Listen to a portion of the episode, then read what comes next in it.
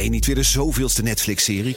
Kom naar de Monday Moves van BNR. Op maandag 18 maart zal op het podium Arend-Jan Boekenstein, Michal van der Toren, Geert-Jan Haan en Bernard Hammelburg. Ze hebben het over geopolitiek. Het is oorlog. Moeten we vechten, vluchten of bevriezen? Onder leiding van mij, Art Rooijakkers. 18 maart dus in het De La Mar Theater in Amsterdam. Check bnr.nl slash mondaymoves. BNR Nieuwsradio. BNR breekt. Ivan Verrips.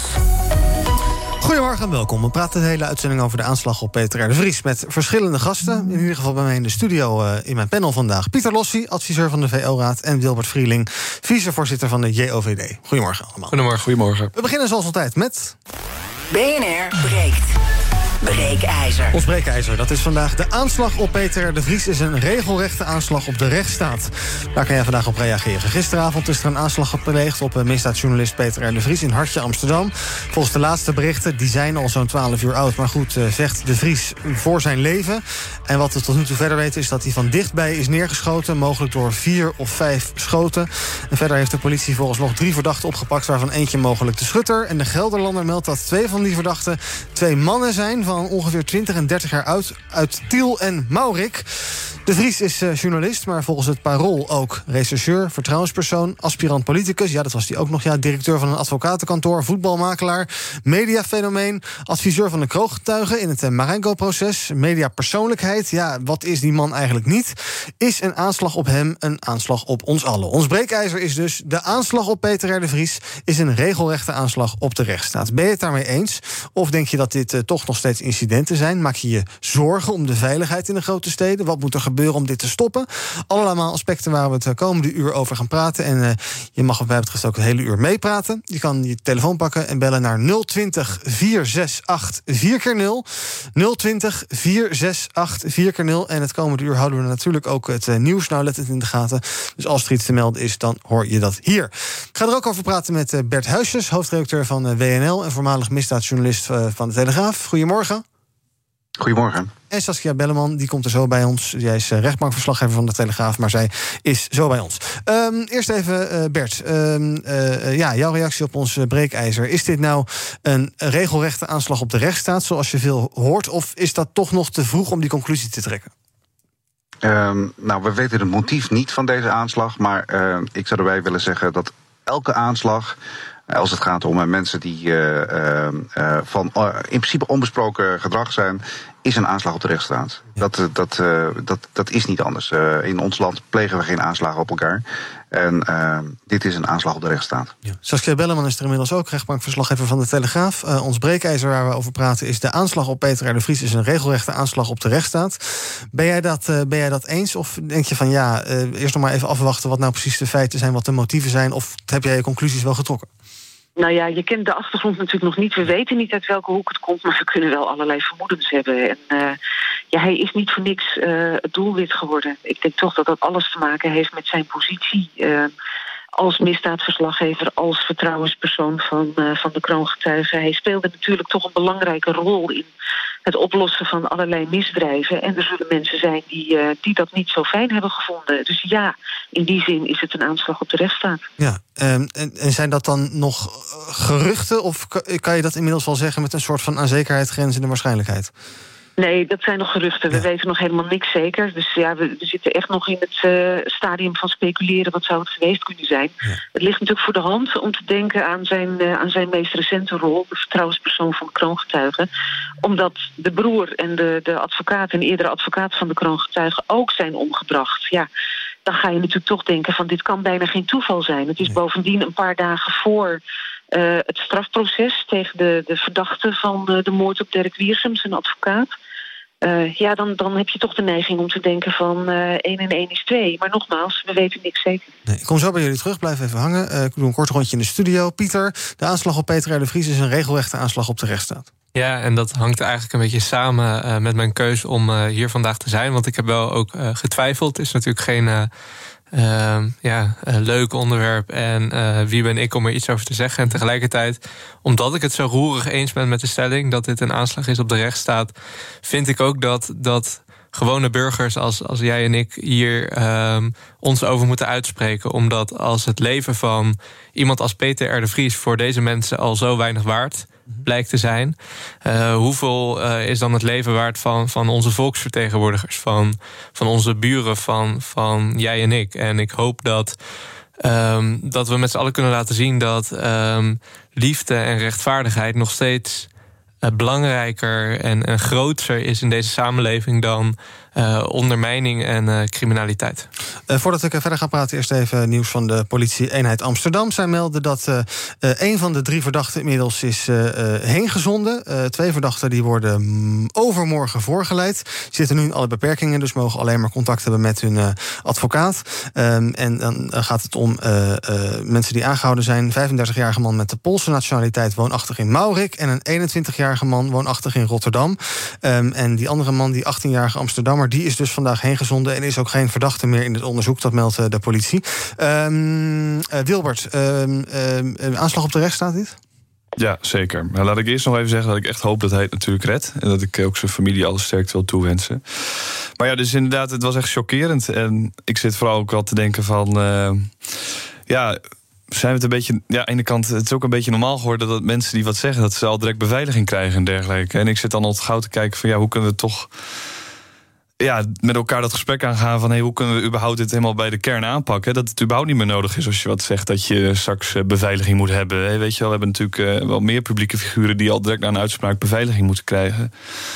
Uh, en nu wordt ook heel veel discussie gevoerd over die beveiliging. Maar ik zou juist willen zeggen voor die discussie over waarom überhaupt die beveiliging nodig is. Want ja, ja merk toch wel dat je in Nederland ook niet echt meer helemaal veilig kan voelen als je een mening hebt over zaken. ik ga zo meteen een paar bellers aan het woord laten. Ik uh, zie heel veel mensen hangen, dus die ga je zo meteen horen. Um, uh, laten we inderdaad zo meteen de discussie over beveiliging breder voeren. Want het is inderdaad een goede vraag. Bert, is het inderdaad een schande dat ja, mensen die zich uitspreken of die, die, die zich inzetten voor de rechtsstaat, dat die beveiligd moeten worden? Of hoort het ook een beetje bij ja, uh, het beroep? Het is cru om te zeggen, maar ja, als je met uh, zware jongens omgaat, dan ontmoet je ook zware jongens. Nee, het is het gevolg van een uh, enorme grimmige onderwereld die uh, steeds agressiever wordt en steeds minder scrupules kent om zijn belangen veilig te stellen. Kijk, er zijn ongeveer drie motieven algemeen gesproken waarom mensen worden, waarom er aanslagen worden gepleegd of liquidaties worden verricht. Dat, de, de, eerste is, men denkt altijd, het is wraak. Nou, dat is, is meestal niet het geval. Mhm. Het meest komt het voor dat er, uh, men angst heeft voor informatieoverdracht die uh, hele grote gevolgen kan hebben in een uh, procesgang. En de derde is dat je uiteindelijk gewoon een medecrimineel om zeep helpt, omdat je denkt van dan neem ik de markt over. Um, Peter R. Vries zat niet in de, in de sector waar hij, uh, waar hij uh, zelf, uh, nou we weten hij zelf groot in de drugshandel zat of iets dergelijks. Dus die kan je eigenlijk wel wegstrepen. Daar hou je wraak over voor zijn rol wellicht als uh, toeleverancier van kroongetuigen. Maar uiteindelijk was het de schade daar al geleden, want ze hebben al getuigd, de verklaringen liggen er al. Dus je moet er misschien toch ook rekening mee houden dat er nog iets in de pijplijn zat. Wat voor uh, uh, de opdrachtgevers zeer bedreigend is geweest. En, en dat ze dit hebben proberen te voorkomen door intimidatie of door uitschakeling. Ja, dus hij wist mogelijk te veel.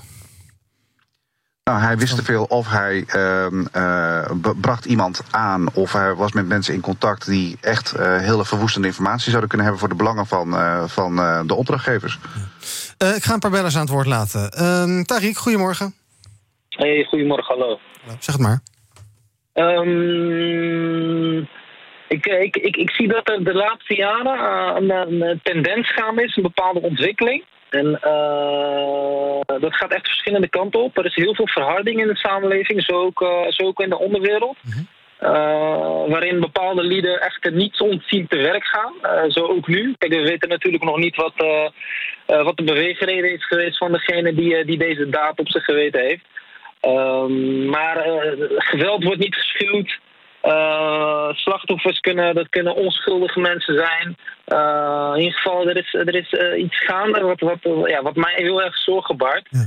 En um, ja, ik hoop niet dat het die kant op gaat, maar zoals ik het nu zie en ook ja, de afgelopen jaren met het schietincident in de grote steden, gaan we steeds meer richting de, de kant op van ja, hoe, het, hoe het er in bepaalde Zuid-Amerikaanse landen aan toe gaat. Ja. Heb je een idee hoe dat komt? Heb je een idee hoe dat komt? Sorry? Heb je een idee hoe dat komt? Ja, ik denk, ik denk de hardnekkigheid van, ja, van bijvoorbeeld het drugs, drugscircuit. Er is, er is vooral in, ja, in West-Europa is er heel veel vraag naar. En ja, de ene die beconcurreert de ander. En ja, daar mag alles voor wijken. Ja, gaan we het dus zeker over hebben over drugs. Dankjewel. Ger, goedemorgen. Ger? Ja, goeiedag. Hallo, zeg het maar. Ja, ik uh, wil het even heel kort houden uh, en wat breder uh, neerleggen. Het is verschrikkelijk wat meneer De Vries overkomen is. Mhm. En ook vele andere ja, bekende Nederlanders. mijn is de grootste zorg is dat de gewone burger de integere burger, en of je van Mars, Uranus of waar dat ook vandaan komt, uh, al jarenlang stelselmatig te dupe is van een, een wanbeleid van het establishment. En dat is het. Ja, dank u wel. Nou, we gaan het nu vooral hebben over de criminele wereld, maar uh, duidelijk. Uh, Afros, goedemorgen. Goedemorgen, Rotterdam. Hallo, zeg het maar. Ja, kijk, het is heel, heel verschrikkelijk. Maar wat ik heel, niet begrijp, dat deze meneer was al lang bedreigd. Hij, hij is altijd uh, voor, voor, tegen die criminelen. En ik vind het zo, zo onbegrijpelijk dat hij niet wordt beschermd, punt één. En uh, ik vind dat die mensen die dat hun geweten hebben, dat ze harder moeten gestraft worden. Ik vind dat die straf van die moordenaars in Nederland, kijk, die moordenaar van Pim Fortuyn, die loopt nu al buiten. Ja. Ik, vind, ik, vind, ik vind dat die mensen volgens mij leven lang op gewoon een Amerikaanse straffen moeten uitdelen aan moordenaars. Duidelijk, dankjewel. Uh, Bert, ja, over die beveiliging, dat is inderdaad een, een, een issue. Uh, we, er, er gaan wat verhalen over dat hij, uh, heeft hij geloof ik ook wel gezegd... dat hij niet beveiligd wilde worden. Ehm, ja, is, is dit daar een gevolg van? Dat je dus zegt van ja, je kiest voor geen beveiliging... en dat moet je dus met, met, met, met schietpartijen en dit soort ellende bekopen? Nou, dat kan ook uh, gebeuren als je wel beveiligd wordt, trouwens. Uh, uiteindelijk heeft hij een positie gekozen als uh, adviseur van in een, in, in, een aantal hele gevaarlijke dossiers. En dat was gevaarzettend. En hij heeft, hij heeft overwogen, kennelijk, om af te zien van uh, een, uh, een, aantal bodyguards om hem heen, de hele circus. het is ook zeer belemmerend voor het werk wat je moet doen. Je kan bijna je, je vak niet uitoefenen, welke, welke, welke rol dat dan op dat moment is. Hè. En je weet dat je nooit volledig veilig bent, omdat ze altijd een hoekje kunnen vinden waarop je wel te grijpen bent. Uh, nou ja, nu gaat die discussie natuurlijk al verder over van moet je mensen dan niet verplichten om zich te laten beveiligen? Mm -hmm. En uh, nou ja, dan kom je op een heel diep punt van mensen hoeven uh, onder dwang beveiligen. Dat is een uh, vorm van gevangenschap. En dat kan je mensen ook niet aandoen. Dus het is toch een vrije keuze om beveiliging te nemen of niet. Ja. Zoals Kerk hoorde een van de bellers net zeggen, ja, het, het verhardt. Nou, dat zien we misschien allemaal wel. Ja. zie jij dat in de rechtbank ook bijna dagdagelijks? Ja, ja, je ziet absoluut dat het verhardt. Uh, en ook dat uh, liquidaties worden uitgevoerd uh, zonder aanzien des persoons. Er zijn natuurlijk meerdere vergismoorden geweest... dat, dat men het verkeerde doelwit te pakken had. er zijn mensen ook gewoon geraakt... die in de omgeving waren van een doelwit dat geliquideerd moest worden. Dus ja, er vallen ook onschuldige slachtoffers. Dus er zijn wel eens mensen die zeggen van... nou ja, zolang criminelen criminelen maar afmaken... gaan ze maar lekker hun gang. Maar zo, zo werkt het dus niet... Uh, en je ziet inderdaad dat die wereld verhardt... omdat er zo vreselijk grote belangen op het spel staan. Er wordt zo vreselijk veel geld verdiend met, met drugshandel... Ja, dat ik eh, eerlijk gezegd wel weer eens het pleidooi zou willen houden... aan het adres van iedereen die denkt dat het een onschuldig lijntje kook is... dat ze snuiven in het weekend. Uh, denk eens even na waar je mee bezig bent... want je houdt die markt wel mede in stand. Uh, zonder vraag geen aanbod. Daar wil ik ook even Jan Struis over laten horen. Hij is voorzitter van de Nederlandse Politiebond... en hij zegt ook van ja, het loopt uit de hand met die georganiseerde misdaad. En dat heeft dus onder andere met drugs te maken. Iedereen die een pilletje neemt of een, of een, of een snuifje je kan zeggen van ja, het is allemaal tegenwoordig normaal, maar je levert ook een, bijdrage aan de georganiseerde misdaad. Hè? Dus, dus we zullen aan de voorkant veel meer uh, aan preventie moeten doen en gezondheidszorg. en, en je zult ook eens een keer de vraag moeten stellen: als je dat nou doet, kunnen we niet gedeelte van, van, van de verdovende middelen vrijgeven. Ja, um, kijk even naar de liberale kant aan mijn rechterhand. Wat, wat, wat, ja, een deel van drugs vrijgeven, is dat een oplossing? Of moet je harder, op, harder terugdrukken? Nou, ik, ik vind misschien niet helemaal het moment om helemaal. Wij zijn wel voor legalisering van softdrugs natuurlijk. Uh, misschien nu niet helemaal het moment om daar helemaal uit de doek te doen. Maar ik denk dat het wel belangrijk is dat er nu wel weer. dat dat debat ook weer gevoerd gaat worden. Want gedoogbeleid, dat laat toch altijd wel zijn mankementen zien. En uh, ik denk dat het belangrijk is dat de Kamer dat ook wel op gaat pakken met... Uh, ja, wat willen we nou? Gaan we verbieden of uh, legaliseren? Nou ja, goed, mijn mening is daar duidelijk over. Maar ik denk dat dat ook een belangrijk onderdeel is... het verdienmodel van de onderwereld. En dat we natuurlijk ook heel graag wegnemen. Ja, Pieter, leg jij die... Ja, maar dat... oh, ja zeg maar, zeg maar Bert. Ja, kijk, maar dat zit natuurlijk niet in de, in de softdrugshoek. Dit zit natuurlijk gewoon in de cocaïnelijnen, in de synthetische drugs.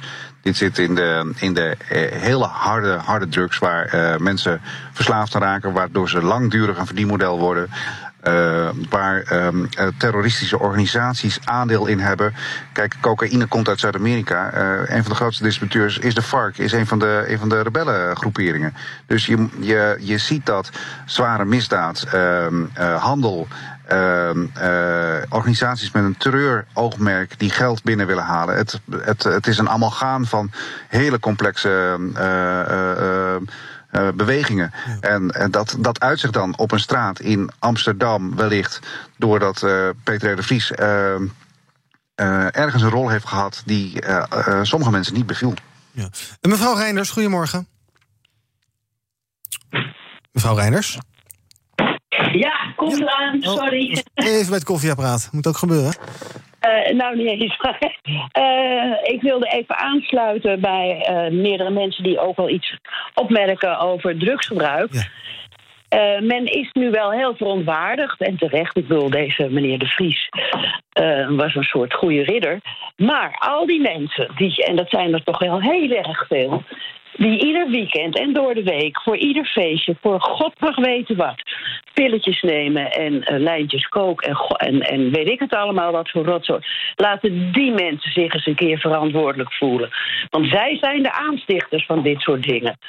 Criminelen maken er natuurlijk dankbaar gebruik van. Maar als mensen nou eens een keer de verantwoordelijkheid nemen om niet al die pilletjes te nemen, dan is er denk ik een groot probleem opgelost. Uh, dank, dank u wel, mevrouw Reiners. Uh, Pieter, ik hoorde Saskia die link ook net leggen. Uh, ik, ik, zou jij hem ook zo, zo één op één leggen? Dat als je inderdaad op een festival staat en je tikt daar een pilletje weg, dat je dan dus eigenlijk mede verantwoordelijk bent. Ja, het, het systeem in stand houdt, wat dus ook door georganiseerde misdaad hier in Nederland is. Het is wel heel cru om, uh, denk ik, één op één uh, deze consumenten te linken aan deze aanslag. Tegelijkertijd, het is inderdaad zo dat, dat deze mensen een heel fout systeem in stand houden. En troep nuttigen, wat nog heel veel meer troep ook bij onschuldige burgers veroorzaakt. en ik vind het in die zin pijnlijk dat het ons als samenleving niet lukt om voor zowel die consumenten als de, de, criminelen die in deze handel stappen, dat het ons niet lukt om blijkbaar een beter alternatief aan te bieden. Een, een veilig alternatief waarin deze troep niet bestaat. Uh, dus wat dat betreft, uh, of die markt ja, kapot maken of die markt kapot reguleren, zouden denk ik nu serieus opties moeten zijn van de nationale discussie hierover. Ja, ik heb nu iemand aan de telefoon met een beetje een rare naam in dit verband, maar het is meneer De Vries. Goedemorgen. Hallo? Goeiedag, ik spreek met de Vries. Goedemiddag. Zeg, zeg u maar. Nou, um, ik belde omdat ik uh, al honderd keer vandaag heb gehoord een aanslag op de rechtsstaat. En ik vind het echt een totaal misplaatste term die ook aan ontzettende inflatie onderhevig is. Ik snap dat mensen uh, hun afschuw willen uitspreken over die aanslag, wat natuurlijk ook zo is. Maar het is geen aanslag op de rechtsstaat. Waarom niet? De aanslag op de rechtsstaat wordt gebruikt in verband... Kijk, de, de rechtsstaat uh, mensen weten vaak niet wat het betekent, wat het woord rechtsstaat inhoudt. Mm En een rechtsstaat heeft ermee te maken dat mensen in een land, de burgerij, wordt beschermd tegen de almacht van de overheid. Dat is de inhoud van het begrip rechtsstaat. En ik wil niet al te overdravend gaan doen, maar je kan de kant is daar een beetje mee begonnen met die rechtsfilosofie. Mm -hmm. En het is nou een term die aan een enorme inflatie onderhevig is. Ja. En ik snap wel dat politici en andere mensen een afschuw willen uitspreken, maar het is geen aanslag op de rechtsstaat. Maar als, uh, als, als, advocaten worden vermoord, dat is toch onderdeel van de rechtspraak. Wat onafhankelijke rechtspraak is, is belangrijk voor een rechtsstaat. Uh, als journalisten worden vermoord, misschien uh, journalistiek misschien niet klassiek onderdeel van die rechtsstaat, maar zo zien we dat wel met z'n allen. U zegt het is een inflatie onderhevig. Wanneer is het dan wel een aanslag op de rechtsstaat? Het is een aanslag op de rechtsstaat op het moment dat je een systeemondermijning krijgt. Bijvoorbeeld heel erg simpel, bijvoorbeeld de toeslagenaffaire. Dat is echt een aanslag op de rechtsstaat. Wat je ziet is dat parlementariërs zwartglatte stukken terugkrijgen. Een continu weigering om aan opverzoek te voldoen. Eh, bijvoorbeeld het eh, idee van Fred Teven om mensen uh, rechtsop te weigeren, of in ieder geval af te kalven. Dat is echt systematische af, afkalving van. De, dat is echt aanslag op de rechtsstaat. Saskia, wil je daar eens op reageren? Ja, ik, ik vind dat een tamelijk beperkte opvatting van wat een rechtsstaat is. Kijk, als, je, als er aanslagen worden gepleegd, zoals bijvoorbeeld op de advocaat van de kroongetuige, op de broer van de kroongetuige, dan heeft dat absoluut tot doel om mensen te intimideren, om uh, ervoor te zorgen dat mensen niet verklaren tijdens een strafproces. En op het moment dat er niet verklaard wordt tijdens een strafproces, omdat mensen bedreigd of geliquideerd worden, dan heeft dat gevolgen voor de waarheidsvinding. En dat is een ondermijning van de rechtsstaat. Heel wat eh, reacties uit Den Haag ook. Laten we even kort luisteren naar Sophie van Leeuwen. Mag ik ook nog reageren op meneer De Vries? Want uh, meneer De Vries uh, schetst even inderdaad het punt... dat de burger veilig moet zijn voor de eigen overheid. Uh, machtsmisbruik. Maar uh, de overheid is er ook voor veiligheid. En op het moment dat, zal we zeggen, mensen uh, in, kunnen worden geliquideerd, dat er angst wordt gezaaid, dat misschien advocaten hun werk niet meer durven doen, dat officieren van justitie hun werk niet meer kunnen doen, uh, dat je misschien moet vrezen voor een aanslag op een rechter of wellicht een minister. Um, dat zijn allemaal onderdelen ook van de rechtsstaat. En uh, dus uh, hij heeft geen ongelijk, maar hij slaat een heel groot deel ehm, even over. Ja, en dat je dus ook niet meer veilig kan lopen op het Leidseplein wellicht. Um, ja. Laten we even naar wat reacties uit Den Haag luisteren. Politiek verslaggever Sophie van Leeuwen. Een zeer aangeslagen minister Grapperhaus tijdens dat persmoment uh, gisteravond. Hij kende hem persoonlijk, Peter R. de Vries, zei hij. En noemt hem dus buitengewoon, een buitengewoon journalist, een moedig man, een bewonderenswaardig strijder. En ja, onze vrijheid is dus hevig aangetast. En nou, volgens Grapperhaus doen politie en justitie er natuurlijk alles aan om die feiten zo snel mogelijk boven water te krijgen. Andere reacties die je ook ziet uh, in het kabinet uh, van D66, minister Sigrid Kaag noemt de aanslag een brute, laffe misdaad, een hartverscheurende nachtmerrie. En ook minister Hoekstra reageerde van het CDA. Hij is diep geschokt. Hij noemt dit verschrikkelijk. Uh, minister Slop van de Media natuurlijk is verantwoordelijk voor dit uh, ja, voor het vak wat de Vries natuurlijk uh, uitoefent. En hij zegt: dit is een aanslag op de journalistiek. Dat mogen we nooit tolereren hier in Nederland. Nou, veel woorden dus. Ik ga zo meteen afscheid nemen van uh, Bert en Saskia.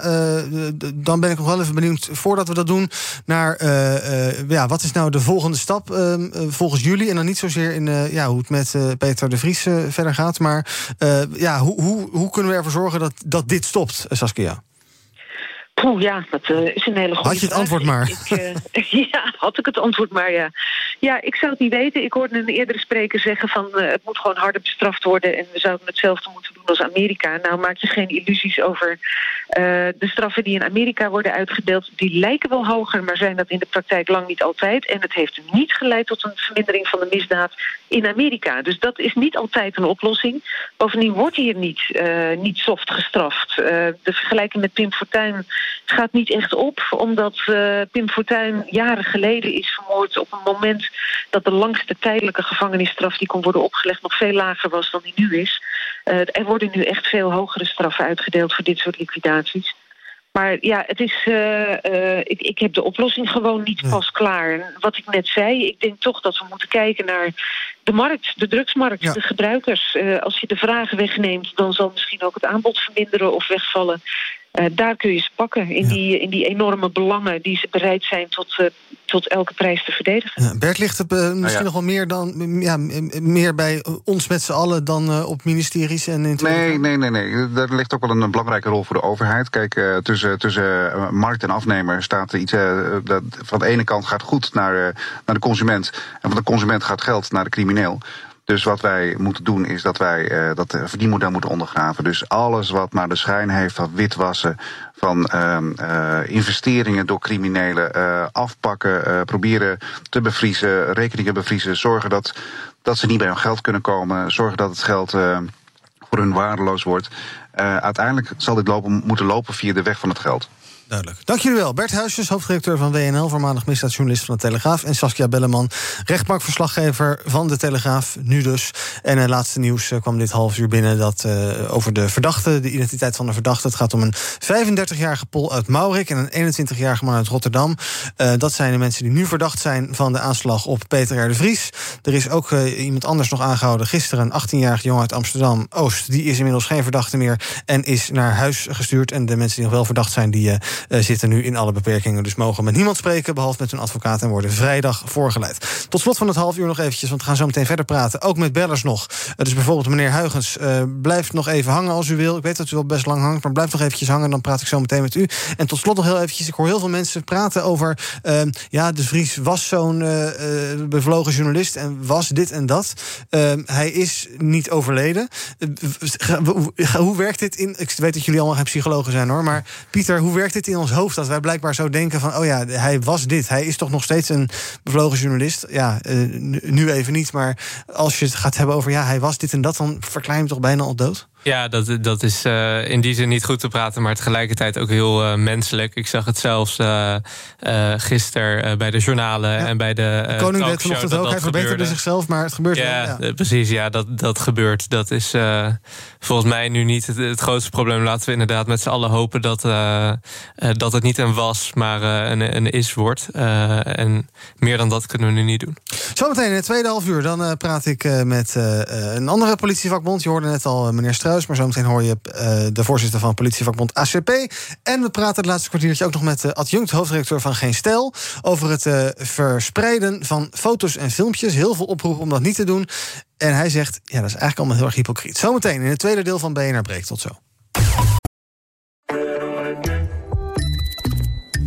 Het Eneco Klimaatreport van deze week komt uit Amsterdam. Ik ben Pascal en ik sta hier met de oprichter van Wikkelhuis op de werkplaats. Op, wat zie ik hier? Ja, je ziet allemaal huisjes. En welke rol speelt energie-efficiëntie in jullie ontwerp- en bouwproces? We bouwen alleen maar met hernieuwbare materialen. Maar het leukste is dat we eigenlijk uh, zonne-energie gebruiken voor onze elektriciteit. We hebben duizend zonnepanelen op ons dak van de werkplaats. Duizend zonnepanelen, dat zijn er een hoop. Ik kan me voorstellen dat er veel stroom vanaf komt. Ja, er komt een enorme bak met stroom uit. En soms in de zomer is dat ook te veel. En daarom werken we samen met uh, Eneco, met het uh, opwek optimaal systeem. En wat doet dat systeem? Een soort dimmer. Dat als er te veel stroom is, dat je dat zeg maar wat terug reguleert, zodat er geen netcongestie ontstaat. Want dan zou alles vastlopen. juist de balans op het energienetwerk. Ja, precies. En zo werkt Wikkelhuis samen met Eneco aan klimaatambities. Is het ook iets voor jouw bedrijf? Check dan eneco.nl slash klimaatambities. BNR Nieuwsradio. BNR breekt. Ivan Verrips. Welkom terug. Vandaag in mijn panel Pieter Lossi, hij adviseert de, de VO-raad... en Wilbert Vrieling, die is van de JOVD.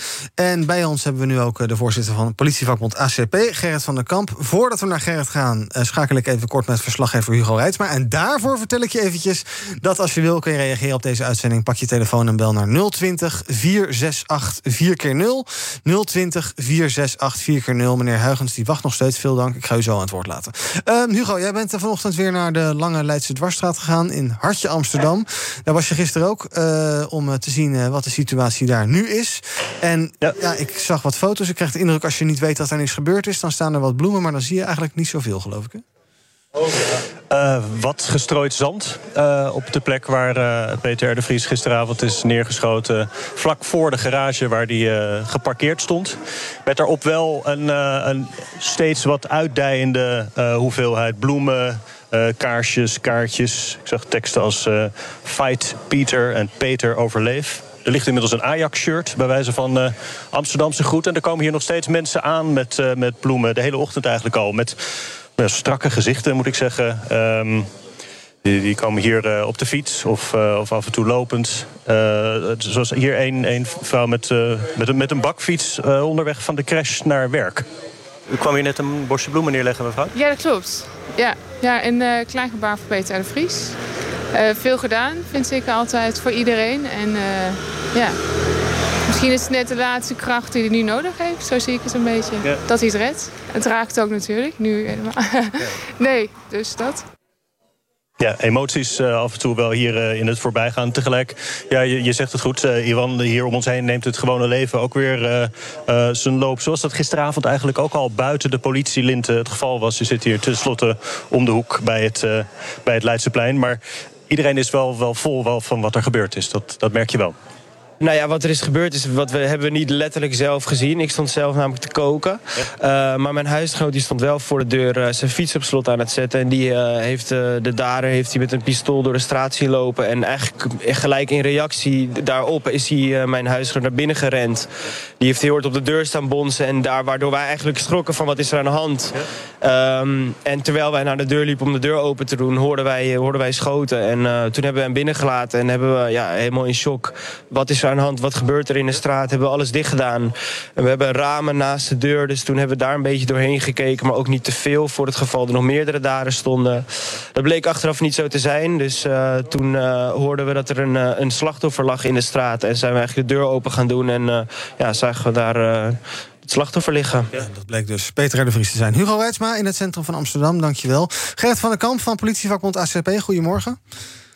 Hallo. Ik zag uh, veel uh, foto's van uw uh, collega's gisteren daar op het Leidseplein. Die leken allemaal nou, gechoqueerder dan ik ze normaal op plaatsen delict zie.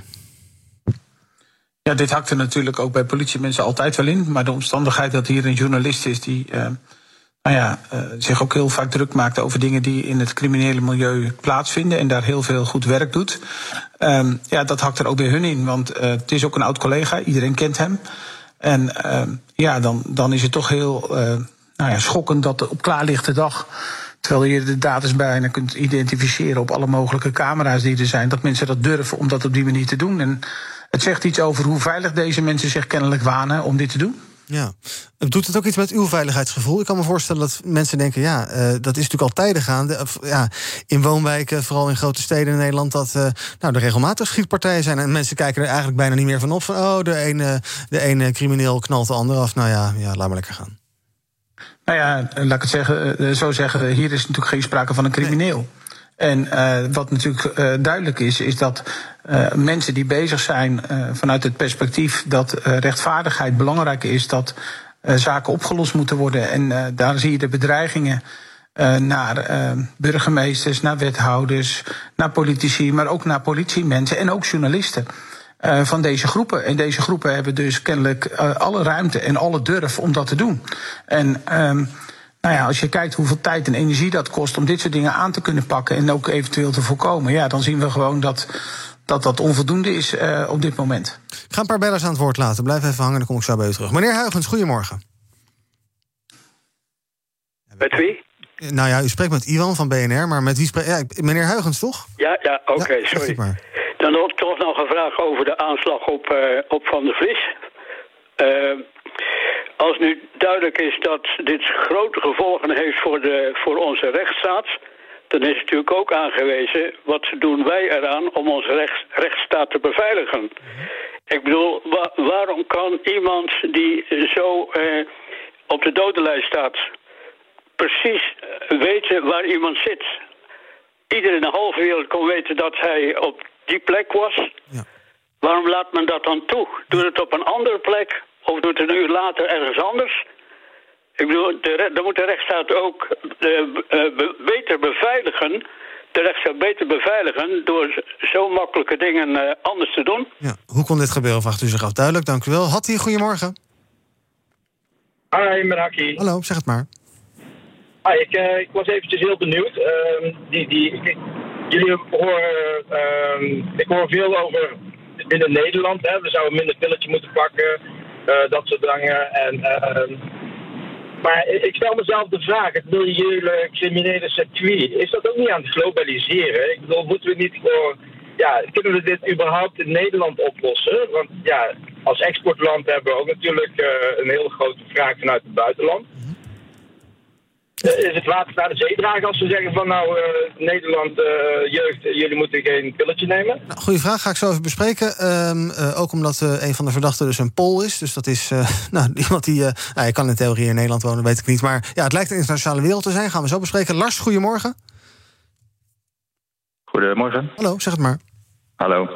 Ja, ik vind het uh, vrij uh, bijzonder dat ik uh, nou, nu al bijna drie kwartier aan het luisteren ben naar een mooi programma normaal gesproken, maar waarbij we eigenlijk allemaal het eens zijn met elkaar. -hmm. Uh, en als er wordt gevraagd naar een mogelijke oplossing voor het probleem, uh, bijvoorbeeld een mevrouw van de Telegraaf niet eens uh, weet te benoemen wat die oplossing dan zou, zo mogelijk zou mogen zijn.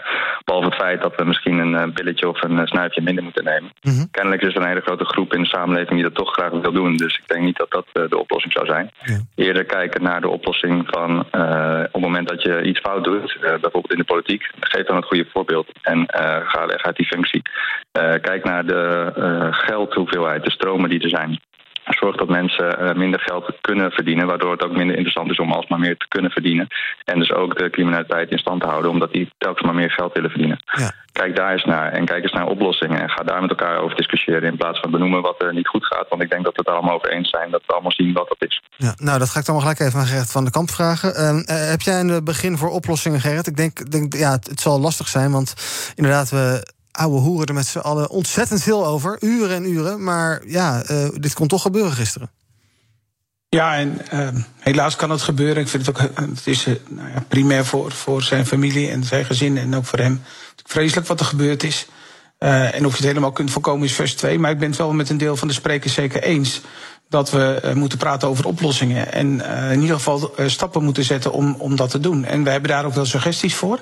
Ik ben naast de politievakbondvoorzitter ook voorzitter van de Coalitie voor Veiligheid. Dat zijn 15 vakbonden die werken in de totale veiligheidssector in Nederland. En die is echt heel groot.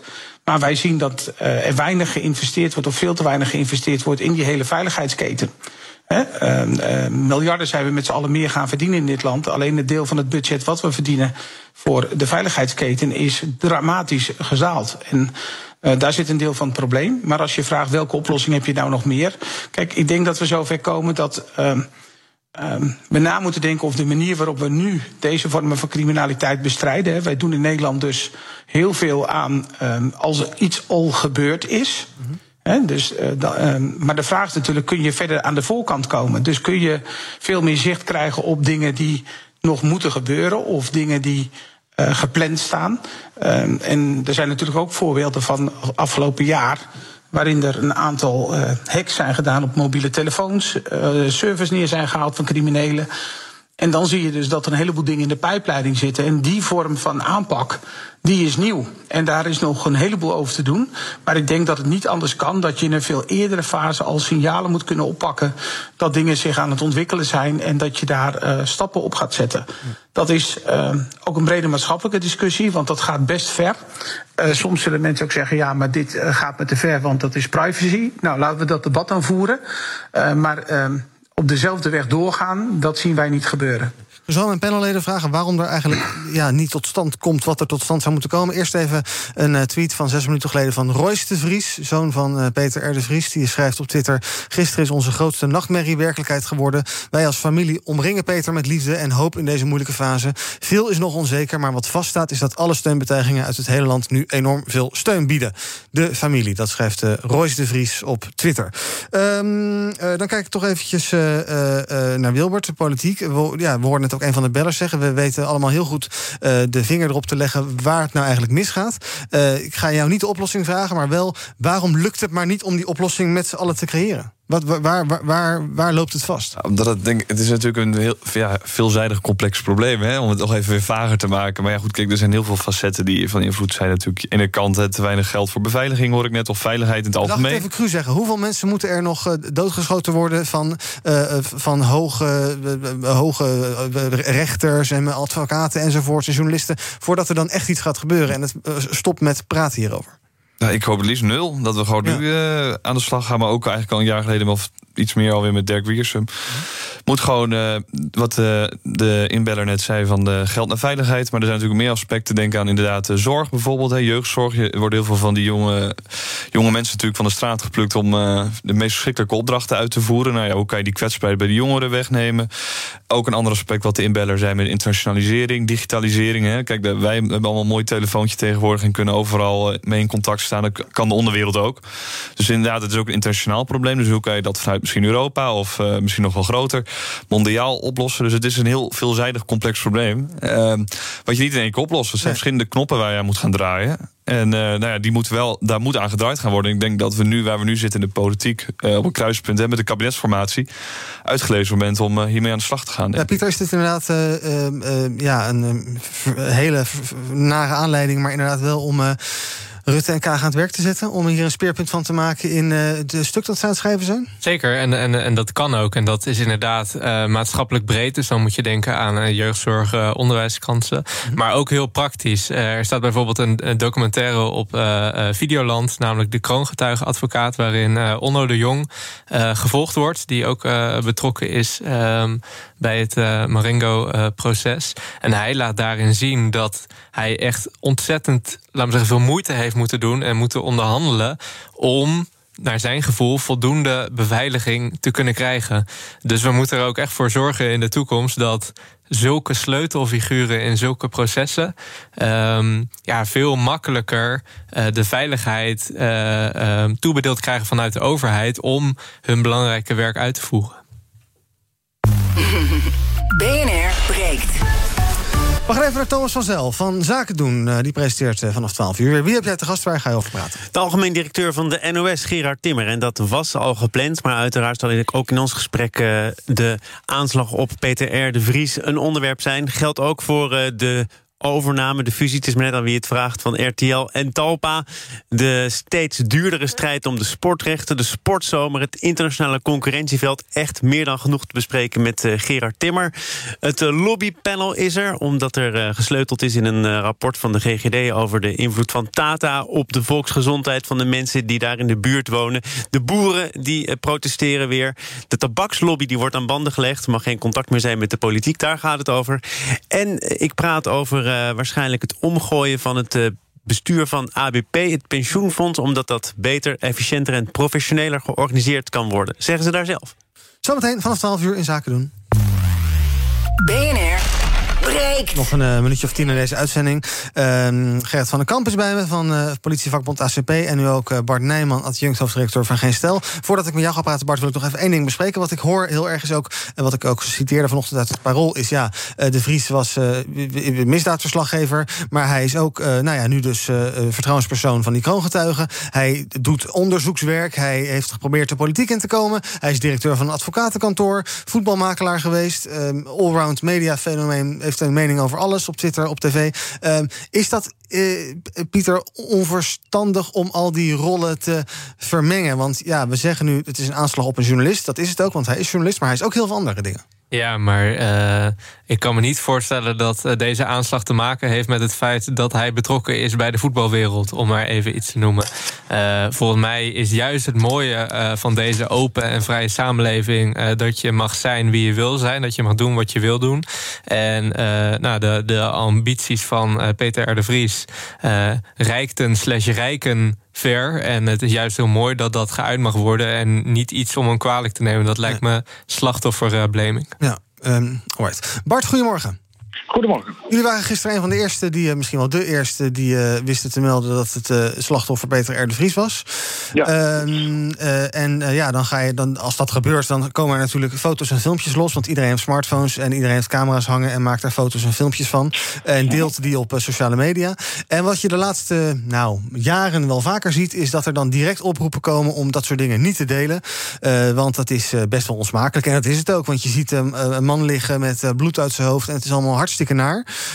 Um, Maar jullie uh, doen daar niet aan mee. Waarom, waarom eh, steek je, een, want ik zie ook heel druk twitteren de hele dag, gisteren al, vandaag al, met echt een, een dikke middelvinger naar al die mensen die zeggen: ja, filmpjes delen moet je niet doen, is onfatsoenlijk. Waarom vind je dat? Omdat, het, uh, omdat de realiteit nou helemaal niet altijd mooi is. En dit is een actuele nieuwsgebeurtenis die het hele land aangaat. Gestel was inderdaad de eerste. Binnen enkele minuten lag onze site plat. En dat gebeurt echt niet makkelijk. En dat is omdat alles en iedereen wil weten wat er gebeurd is. En geen stel hanteert als norm dat wij niet een poortwachter willen zijn op informatie die openbaar vindbaar is. En die wij derhalve dus ook gewoon doorplaatsen op onze voorpagina. En vervolgens wordt er nog voor het lichaam de grond raakt al een morele discussie aangezwengeld over wat je wel en niet zou mogen delen. Uh, op basis van, van vaag vormgegeven termen als respect of, uh, of, of, of, of, omgangsnormen, de dingen die je heel persoonlijk definieert. Terwijl je op zo'n moment vooral uh, geïnteresseerd zijn in wat is er gebeurd, hoe is het gebeurd, zijn er beelden waar daders op te zien zijn, wat is de nasleep, wat is het vervolg. En ik zat me inderdaad in die morele discussie erg druk te maken over eh, dat mensen zich meteen zo'n dikke sentimentele jas aanmeten om, uh, om, om te gaan klagen over het feit dat iets naars überhaupt te zien is. En ik, ik snap niet zo goed waarom, uh, waarom dat een discussie is. Nee. Dus zijn er voor jou dan eigenlijk helemaal geen grenzen in waar, waar, waar het ophoudt? Hè? Als je bij, bij wijze van spreken beelden hebt, haarscherp in 4K van hoe die wordt neergeschoten in zijn hoofd en je ziet daarna het bloed eruit gutsen, zou je dat ook allemaal plaatsen? Is het een soort doorlopen? Ja, zit er nergens een, een limiet op? Twee, uh, antwoord in twee delen. Eén is, we hebben alle beelden die ISIS als propaganda gedeeld heeft... die hebben wij ook uh, grotendeels ook op geen stel doorgeplaatst. Alleen niet pontificaal op de voorpagina, maar ingekleed in een waarschuwing... met de woorden, wij bepalen niet wat jij wel of niet wil zien. Als je hier klikt, zie je nare dingen. En dan kunnen mensen zelf bepalen of ze het willen zien. Anderzijds zou ik deze om willen keren. als dit allemaal zo heftig is, waarom worden de beelden van George Floyd dan wel honderd keer herhaald? Waarom moet Aylan Kurdi, die op het strand is aangespoeld... overal gepleisterd worden met grote headlines waarboven staat... deze foto moet Europa veranderen. En waarom mag in dit geval, waarin een actueel nieuwsfeit gekoppeld aan een bekend persoon in een heel groot verhaal over mokromafia, vermoedelijk, ik ga ervan uit dat het in die hoek zit, niet dat hij daar is neergeschoten omdat hij Bertia Boulevard duiding geeft. Uh, waarom zou dat dan ineens niet in beeld gebracht mogen worden? Waarom is dat dan ineens een probleem? Ik heb daar hele grote moeite mee en ik maak daar geen onderscheid tussen. Als die beelden openbaar te zien zijn, dan zijn ze openbaar te delen. En ik vind het veel schandaliger dat RTL Nieuws en Mediahuis allebei, terwijl de situatie zich ontvouwde, bij ons in de mail zaten met directe oproepen om die beelden te verwijderen. Ja. En ik ben zojuist van Twitter geblokkeerd door Twitter, omdat ik daar die beelden heb gedeeld. En, en ondertussen zit iedereen met die dikke sentimentele jas aan te klagen over dat dit een aanval op de vrije pers is. YouTube, nou, sorry hoor, maar dan hebben wij daar hele verschillende definities van. YouTube verwijdert ze ook beelden waar, waar het slachtoffer te zien is. Gerrit van der Kamp van de ACP, wat, wat, vind, jij, wat vind jij van die oproep om uh, beelden niet te delen? Het zijn hartstikke nare beelden. Uh, het is wel uh, nieuws en het gebeurt op straat. ja, waar, hoe, hoe ligt dat voor jou, die afweging? Nou, kijk, het zijn twee dingen. De beelden zijn voor ons als politie natuurlijk sowieso belangrijk. Ja. Dus uh, het feit dat ze er zijn, uh, wij willen ze graag hebben. En uh, voor de opsporing is dat heel belangrijk, ook om precies na te kunnen gaan wat er gebeurd is. Dus ehm, er zijn heus al redenen om die opnames te, te, maken. En als ze er zijn, te delen. Dan primair met de politie. En ja, de, de, de discussie is vooral, denk ik, een kwestie van uh, smaak, moreel.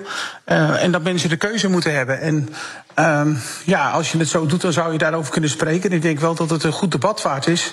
Wat verstaan we nu eigenlijk onder vrije journalistiek? Wat is nou vrije meningsuiting? Hoe ver moet dat gaan? -hmm. Maar wat vind jij? Um, Moet je die beelden kunnen delen op, op plekken? Of zeg je, ik, ik zou, zou het zelf niet doen, maar ik snap wel dat mensen dat doen. Uh, vanuit het perspectief wat net vanuit. Uh, nou ja, uh, gezegd is uh, dat je die dingen dan kunt zien. Uh, ik vind het wel heel lastig dat politiemensen dan vaak naar familieleden toe moeten. Ja. ook van onbekende mensen. Um, en dat soms op de sociale media dan al duidelijk is wie dat zijn en hoe dat zit. En ja, dat vinden wij vanuit nou ja, pietijd dan toch nog wel een ding. Uh, of je dat dan al zou moeten doen. Ja, heel maar dat ze uiteindelijk opduiken, dat is dan zo. Voor dat, voor dat laatste argument ben ik zeker wel vatbaar. Want het is er ons niet om te doen om als eerste bij de zoon van Peter R. de Vries de beelden onder zijn neus te schuiven, omdat ze op internet staan.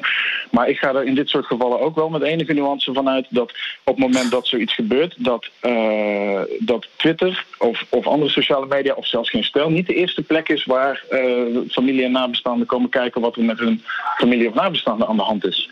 En dit, dit, dat brengt het debat wat mij betreft terug in de, in de, in de hoek van de vrije nieuwsgaring. Ja. En het dat er een groot, breed ding gebeurt waar heel veel mensen van willen weten wat er aan de hand is. Zelfs de NOS-site trok het gisteravond even niet. Hè? Nee. Het moment dat Peter R. de Vries wordt neergeschoten is gewoon van heel groot landelijk belang. Wetende dat die man zoveel rollen heeft, zoveel petten heeft en een directe lijn met een hele uh, dieplopende, vergaande maffiazak. Ja. Die tot nu toe nauwelijks besproken is, omdat we het alleen maar hebben over de vraag wat je wel en niet mag laten zien van die beelden. Ja, nou, we hebben het er eerste kwartier in onze uitzending wel over gehad, maar ik snap je punt. Uh, kort rondje in de studio, uh, Wilbert. beelden delen, hoe naar ze ook zijn. Het is vrije nieuwsgaring. moet je dat doen of moet je daar terughoudend mee zijn? Of moet je dat helemaal niet doen? Snap jij alle oproepen die je van politie, maar ook van ook journalisten die daar zo oproepen om dat allemaal niet te doen? Snap, je, snap jij dat? Ik, ik zit er ook een beetje over dubio. Hè. Als ik het zo hoor, ik probeer ook echt naar die argumenten te luisteren. En ik zit zelf ook een beetje na te denken. Hè, van, ik moet bijvoorbeeld zelf altijd denken aan uh, Pim Fortuyn. Toen was ik vijf ja. jaar oud. En toen zag ik ook die voorpagina dat hij zo bij zijn auto lag. Op dat Mediapark. En op dat punt vind ik het wel heel belangrijk. En ook die foto van dat aangespoelde kindje. Dat, dat, het is, je kan er wel een bepaalde boodschap mee overbrengen. Op een hele krachtige manier. Hè. Dat ik als vijfjarig jongetje nog steeds dat, die foto in mijn hoofd heb. En dat je dat soort dingen ook nooit moet vergeten dat het gebeurt. Hè. Want onze maatschappij gaat wel zo snel dat we zo weer doorgaan met andere dingen. En dat we het alweer vergeten zijn. En ik vind wel een mooi middel om echt een krachtige boodschap af te geven. Maar bijvoorbeeld met ja, echt het filmen dat iemand kwetsbaar op straat ligt en echt vecht voor zijn leven. Dat, dat vind ik wel echt lastig. En ik vind ook wel meer dat idee dat iemand iemand gewond ziet liggen en dat je dan gaat filmen, vind ik ook zelf een heel raar idee. Dat je denkt van, oh, pak mijn smartphone in plaats van dat ik iets ga doen om te helpen. Ja. Daar zit ik meer mee dan. Uh... Pieter, tot slot. Ja. Ja, het probleem voor mij is dat het uh, allerlei uh, amateur uh, privé detectives aanlokt en ook allemaal sensatiezoekers. Ik vond het heel mooi, Parool, Parool berichten daarover dat er mensen rondom Peter R. de Vries, toen hij werd neergeschoten, inderdaad gelijk een mobiel pakten om te filmen. En dat kan voor politie nuttig zijn, maar voor social media, wat mij betreft, niet en, en, redelijk smakeloos. Maar daar kunnen meningen over verschillen. Maar dat er ook bijvoorbeeld mensen waren die hem echt over hem ontfermden, zijn hand vasthielden. Uh, en echt gelijk keken naar het belang van het slachtoffer. In plaats van het belang van. De ja, sociale media. De sociale media, inderdaad. Um, ja, ik vind het goed om deze discussie te voeren. Maar nu Peter R. de Vries aan het vechten is voor zijn leven in het ziekenhuis. hoop ik dat we dat misschien over een week kunnen doen. Ja, nou, gelukkig krijgt hij van dit, dit gekrakeel niet zoveel mee. Het laatste woord is voor Bart Nijman. Eh, ik ben het met het laatste niet oneens. Als het moment dat je zoiets ziet gebeuren, dan zou je eerst in eerste instantie moeten ingrijpen. Als je je telefoon al pakt, is het om 112 te bellen. En daarna ga je kijken wat je het slachtoffer gaat doen. En dat je je telefoon pakt om het te filmen, zou niet mijn eerste gedachte zijn, inderdaad, op zo'n moment. Maar dat is wel weer iets anders dan wanneer die beelden die er dan toch gemaakt worden op internet opduiken. En die dan voor vrije nieuwsgaring gebruikt worden om te context te geven bij, het, uh, bij de gebeurtenis. Jullie gaan dus niet buigen voor die, voor, ja, die oproep tot censuur. Dankjewel. Ik heb, ik heb zojuist nog een mailtje van de politie gehad met hetzelfde verzoek. En die krijgen hetzelfde antwoord als RTL en Mediahuis vanmorgen. We halen niks weg. En jij twittert even niet meer dus. Wel lekker rustig. Ja, ja, ik kan ik misschien wel een echte werk doen. dat wel. Bart Nijman, adjunct-hoofdredacteur van Geen Stel, dankjewel. En ook dank aan Gerrit van der Kamp van politievakbond ACP. Dat was een beetje een andere BNR breekt dan normaal. Maar ja, dat uh, gebeurt zo af en toe. Uh, wel dank dat jullie er waren. Pieter Lossi, adviseur van de VL-raad... en Wilbert Vrieling van de JOVD. Morgen ben ik er weer. Tot die tijd kan je ons volgen op de socials. Trouwens ook voor al het laatste nieuws rondom uh, de kwestie Peter R. de Vries. Twitter, Instagram, YouTube natuurlijk, bnr.nl. En ook op BNR en in het liveblog op bnr.nl... volg je de hele dag het laatste nieuws. Als er iets te melden is, als er persconferenties zijn, als we iets weten over motieven, over verdachten, over de situatie rondom Peter R. hoor je dat allemaal hier. Zometeen Thomas van Zel met Zaken doen. Tot morgen. Je hebt aardig wat vermogen opgebouwd. En daar zit je dan, met je ton op de bank. Wel een beetje saai, hè? Wil jij, als belegger, onderdeel zijn van het verleden of van de toekomst? Bridgefund is een slimme fintech die een brug slaat tussen de financiële behoeften van ondernemers en van beleggers. Dus wie belegt bij Bridgefund krijgt niet alleen een mooie vaste rente, maar brengt ook ondernemers in beweging. Echt waar. Met die ton kan je zoveel betere dingen doen. Bridgefund.